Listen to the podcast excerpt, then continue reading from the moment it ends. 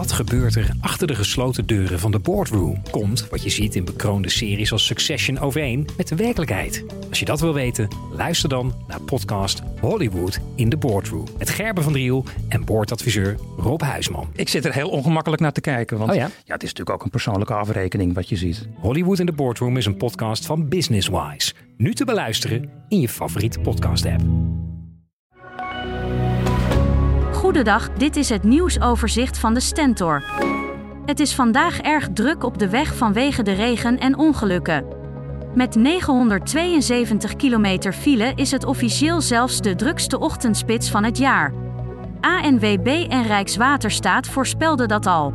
De organisaties denken dat het de hele dag druk op de weg zal blijven en adviseert mensen indien mogelijk thuis te werken of buiten de spits de weg op te gaan. Zwijgcontracten moeten voorkomen dat omwonenden bezwaar maken tegen de omstreden eendenslachterij Thomasse Daktu in Ermelo. De eigenaren van 21 woningen bij de slachterij blijken een boeteclausule in hun contract te hebben. Wie bezwaar maakt moet direct 10.000 euro betalen. De gemeente wist van die bepaling af. Krijgen inwoners van Gelderland en Overijssel straks een bak extra vliegtuigherrie over zich uitgestort?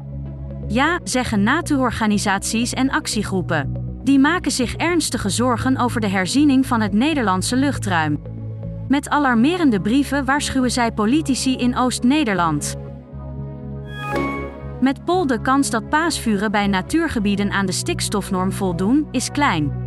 Dat zegt Twan Brekelmans van ingenieurs- en adviesbureau Antea Group. Om vast te stellen hoeveel stikstof er neerslaat in een natuurgebied, kunnen deskundigen als Brekelmans een zogeheten Aerius-berekening uitvoeren.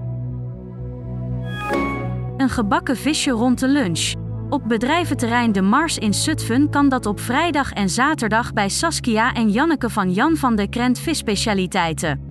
De vis ter plekke opeten kan aan een van de picknicktafels buiten, maar dat is niet langer de bedoeling. Als de viszaak niet stopt met deze vorm van horeca, kan de boete oplopen tot 40.000 euro. Het gaat om 4 uur in de week. Tot zover het nieuwsoverzicht van de Stentor. Wil je meer weten? Ga dan naar de stentor.nl.